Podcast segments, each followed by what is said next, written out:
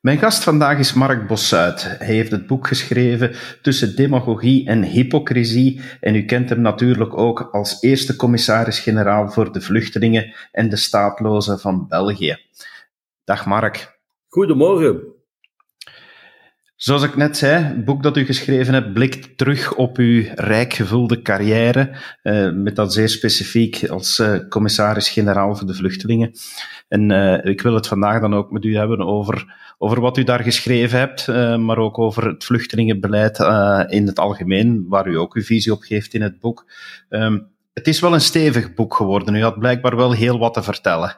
Ja, het is iets zwaarder uitgevallen dan ik zelf uh, gedacht had. Maar ja, het is ook omdat ik aan de ene kant wou mijn verhaal vertellen van wat ik allemaal heb beleefd in die negen jaar dat ik commissaris-generaal voor de vluchtelingen ben geweest. Ik heb ook een aantal individuele gevallen willen toelichten om dat een beetje te illustreren, omdat dat zijn wel atypische gevallen, maar ik denk dat ze voor het begrip uh, uh, toch interessant zullen zijn voor de lezer. En dan heb ik ook een paar algemene problemen willen behandelen, uh, die soms van juridische aard zijn, soms meer van politieke aard. Uh, een beetje de wetgeving, de rechtspraak, om de mensen die daar niet vertrouwd mee zijn, daar toch wat wegwijs in te brengen, want ik denk dat dat nodig en nuttig is. In die zin is het misschien dan hier en daar wat moeilijk, omdat er heel veel rechtspraak komt bij kijken, wetgeving komt bij kijken? Is het, of uh, ja, is dit boek dan toch wel bedoeld voor het brede publiek? Ja, het is er zeker voor bedoeld. In die zin dat ik, wanneer het wat juridisch wordt, ik altijd probeer het uit te leggen op een wijze dat ook de niet-juristen het kunnen verstaan. En dan is ook een belangrijke boodschap die ik wil meegeven, dat is dat uh, men niet moet denken dat wat uh, rechters beslissen, dat dat alleen maar interessant is voor juristen of alleen maar juristen aanbelangt. Nee, het belangt iedereen aan. En het is veel te weinig geweten en bekend. En ik denk dat het nodig is dat ook een groter publiek, een meer algemeen publiek, daar kennis van neemt en begrijpt hoe belangrijk dat is. Want het asielbeleid wordt in veel grotere mate bepaald door rechters dan door politici. We horen alsmaar meer en meer politici, en dan voornamelijk uit een bepaalde hoek, klagen over die activistische rechters. Maar eigenlijk klopt het dan wel een beetje dat die rechters in die zin activistisch zijn, dat, zodat zij het beleid bepalen en het niet meer overlaten aan de wetgever.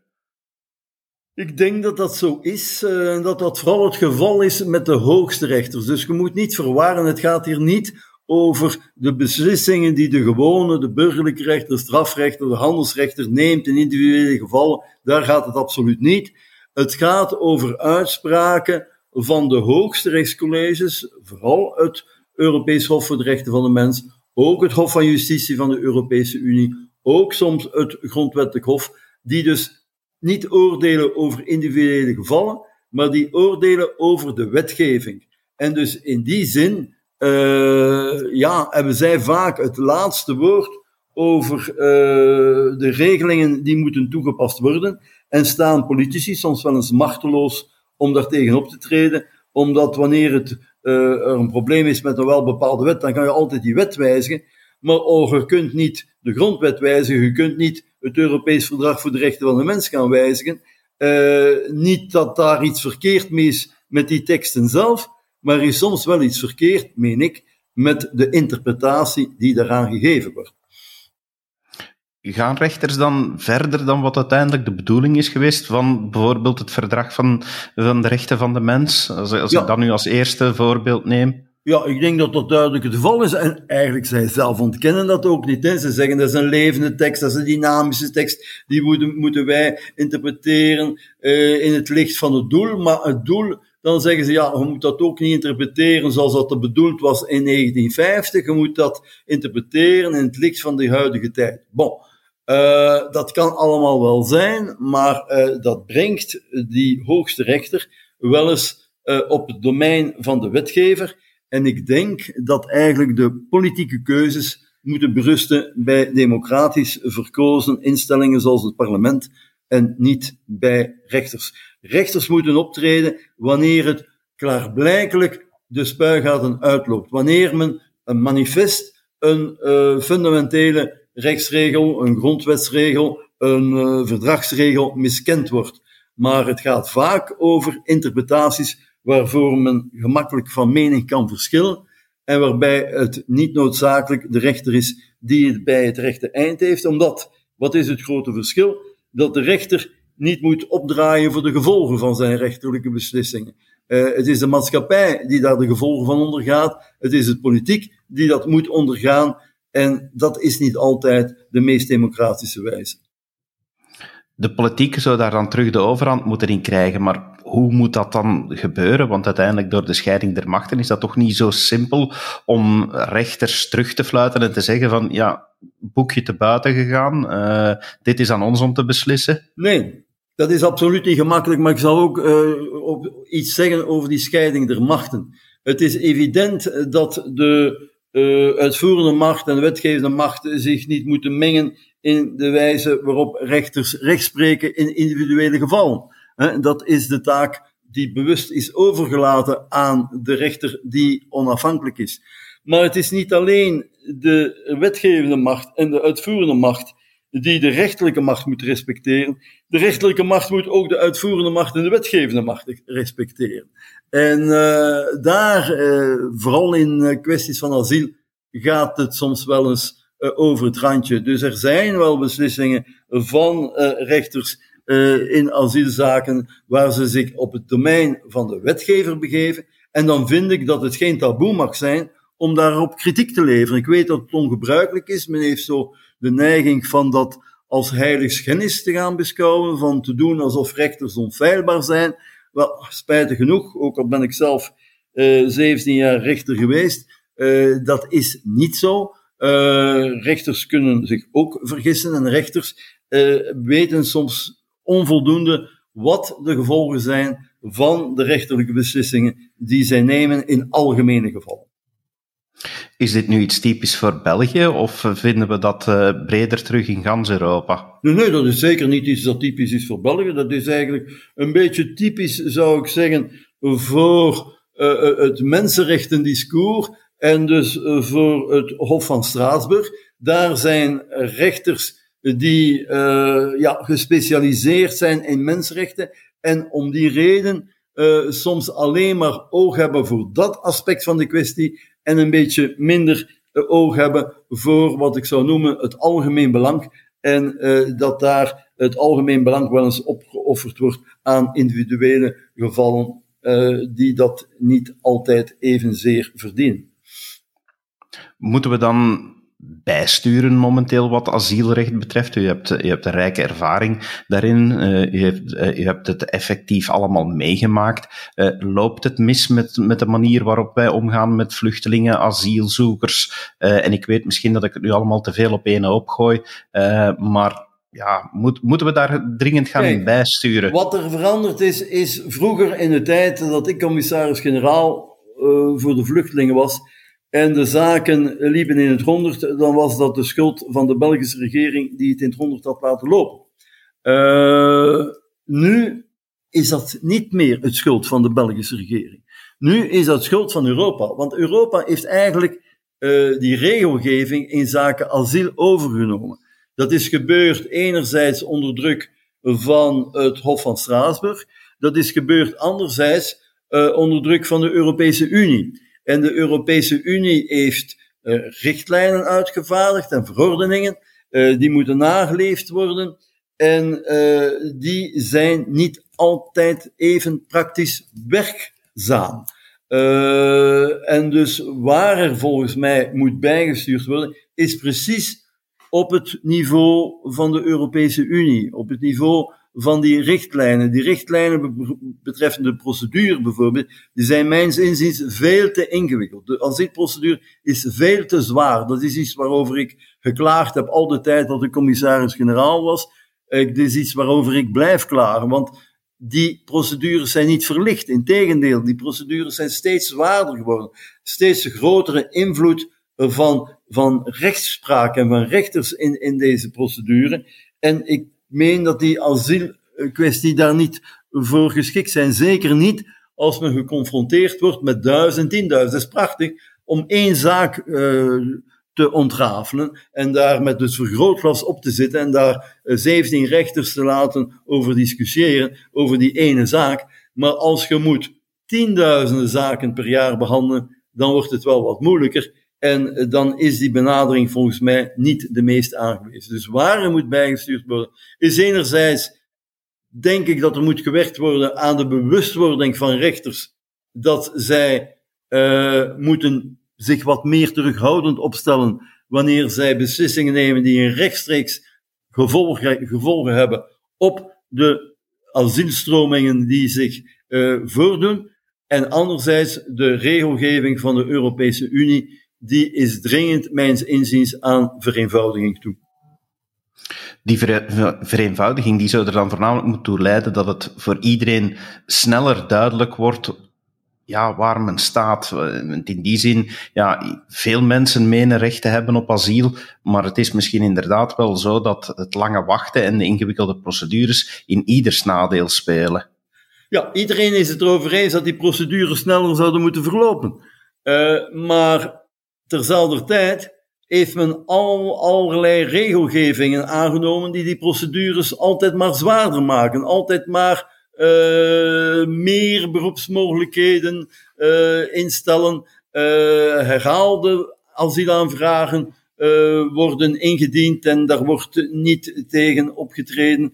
het moet dus echt vereenvoudigd worden en ik zou ook zeggen, ik stel me ook de vraag, is het eigenlijk verantwoord dat men diegenen die uh, onze wetgeving overtreden door ons land binnen te komen zonder zich aan te melden, dus zonder uh, dat ze niet over de voorafgaande vereiste toelating begeven, dat kan ik best begrijpen. Maar dan moet men als beleefdheid hebben als men aan de deur komt kloppen van te bellen en te zeggen, hier ben ik. En dat doet men niet, men gaat gewoon het land binnen en zegt, en nu? En wil men genieten van alle voordelen van een uh, procedure met allerlei beroepsmogelijkheden die voor gevolg hebben dat het eindeloos lang kan duren.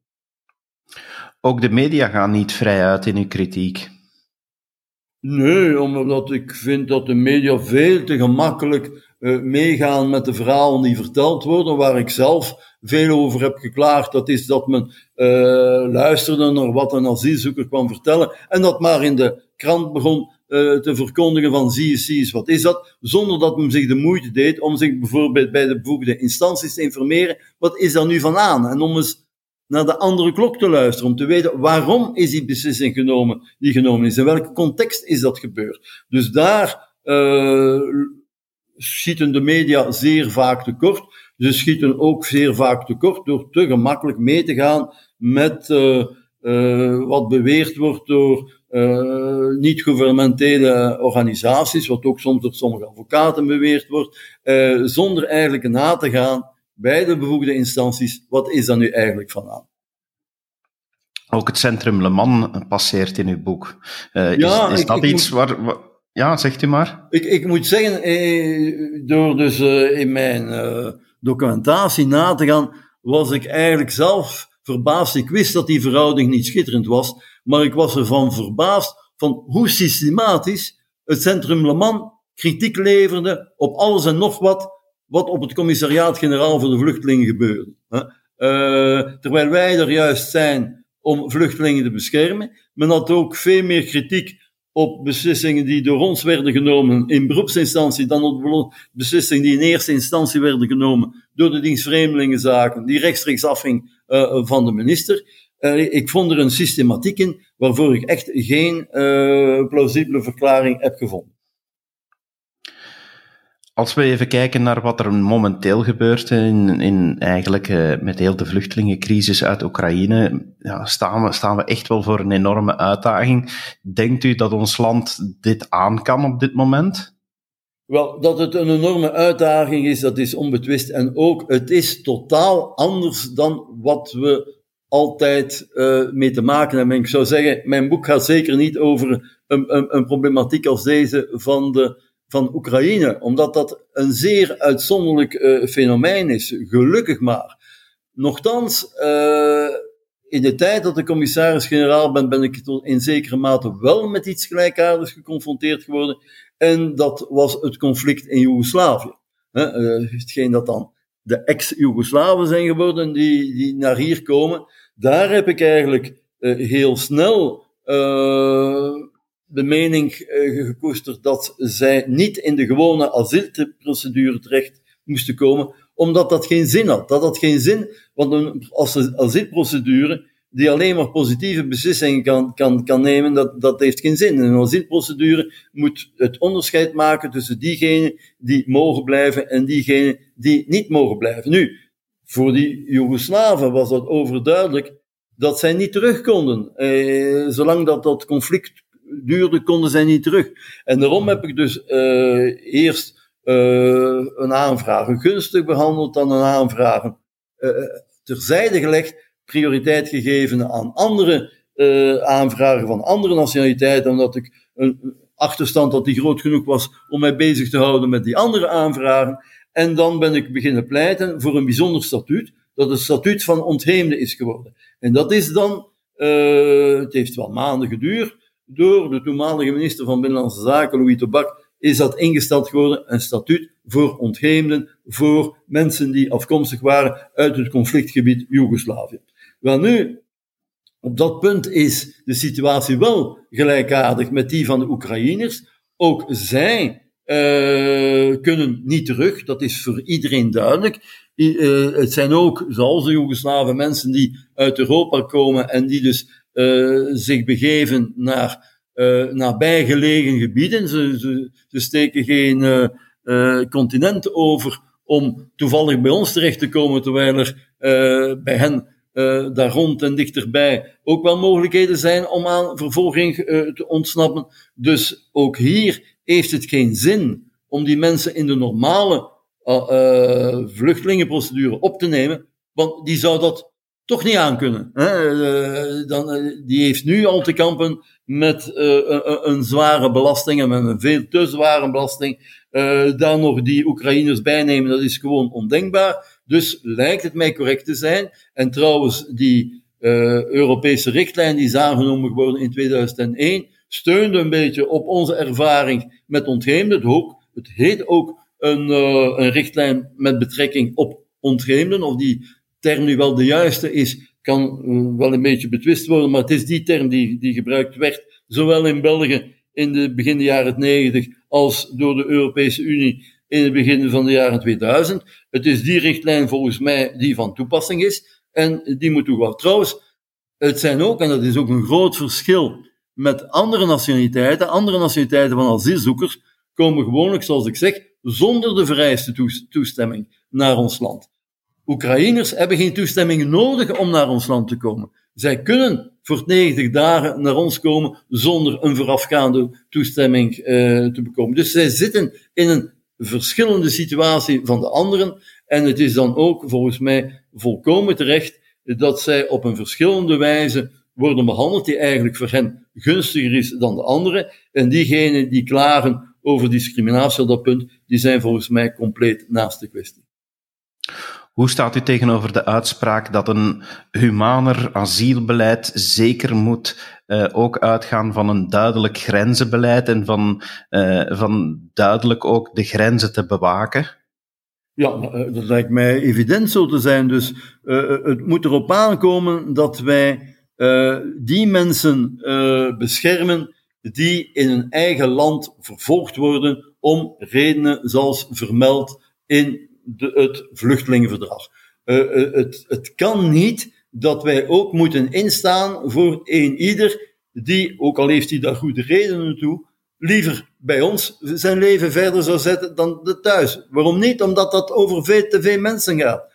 Dat gaat over miljarden mensen. Er zijn minstens 3 miljard mensen die zo arm zijn dat ze naar hier niet kunnen komen. En dan zijn er nog 3 miljard mensen die net, waarvan sommigen er wel in slagen van naar hier te komen. En degenen die er wel in slagen, zijn niet de meest hulpbehoevenden. Het zijn juist degenen die uh, het aan boord hebben gelegd, soms uh, door het samenleggen van bijdragen van, van een hele dorpsgemeenschap, om naar hier te komen, om hier een betere toekomst uit, uh, uit te bouwen. Heb ik daar begrip voor? Ik heb daar alle begrip voor. Maar kunnen wij dat opvangen? Nee, wij kunnen dat niet opvangen. Dus wij moeten die mensen opvangen die niet terug kunnen, omdat zij in hun eigen land vervolgd worden. En dat is onder meer het geval nu uh, met die Oekraïners. Wij kunnen dat niet doen voor die anderen. En wat eigenlijk, zou ik bijna zeggen, uh, uh, het drama is op dit moment, dat is dat wij in België opvangmogelijkheid hebben voor ongeveer 30.000 personen, maar dat die opvang vol zit met mensen waarvan heel velen niet in aanmerking komen voor internationaal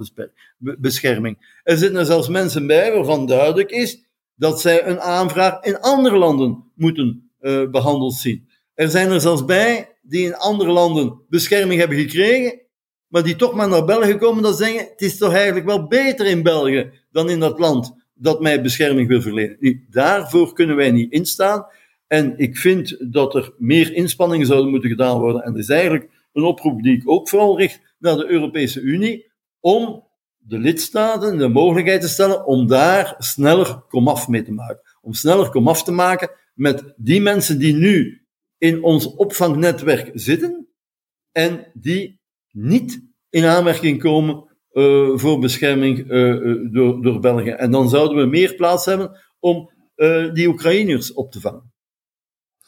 Wat hoopt u met uw boek te bereiken? Is het het doel dat er een grondige discussie gaat gevoerd worden en dat er eens eh, ten gronde gaat gedebatteerd worden, op zijn minst, en nagedacht worden over de problematiek waarover we het nu hadden? Wel, het is zeker mijn ambitie om ertoe te komen uh, dat de mensen met meer kennis van zaken er zouden over spreken. Ik zeg, de, het asielbeleid, er zitten daar veel mysteries in vermeld. Er wordt daar ook veel mist rondgespuit um, of gespoten, uh, daar is uh, veel onwetendheid en veel uh, misinformatie. En ik, ik hoop door met de gegevens van de ervaring die ik heb, en ik heb ook, sommigen zullen misschien dat verwijt tot mij richten, dat er veel cijfers in mijn boek voorkomen. Ja, omdat ik heel precies wil zeggen over, over wat gaat het. Als het over bepaalde nationaliteiten gaat. Ik zeg het is anders. Hè? De situatie van nu is niet dezelfde als de situatie van toen.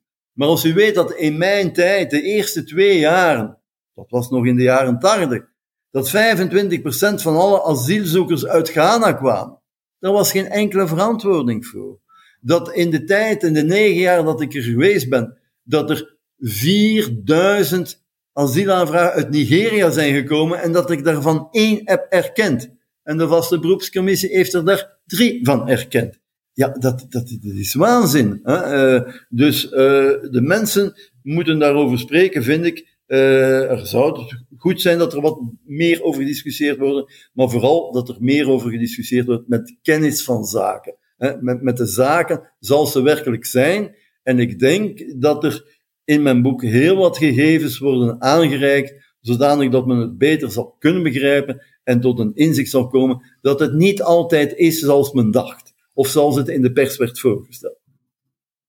Ik denk dat dat een goede reden is om het boek te lezen. Mark, dank u wel voor uw tijd. Graag gedaan. Tot genoegen. En op 28 april wordt het voorgesteld in de aula van de Rode Straat 14 te Antwerpen. Uh, en er zal, daar zal ik een gesprek voeren met de huidige staatssecretaris voor asiel en migratie, de heer Sami Medi. Ziezo, iedereen welkom daar. Dankjewel.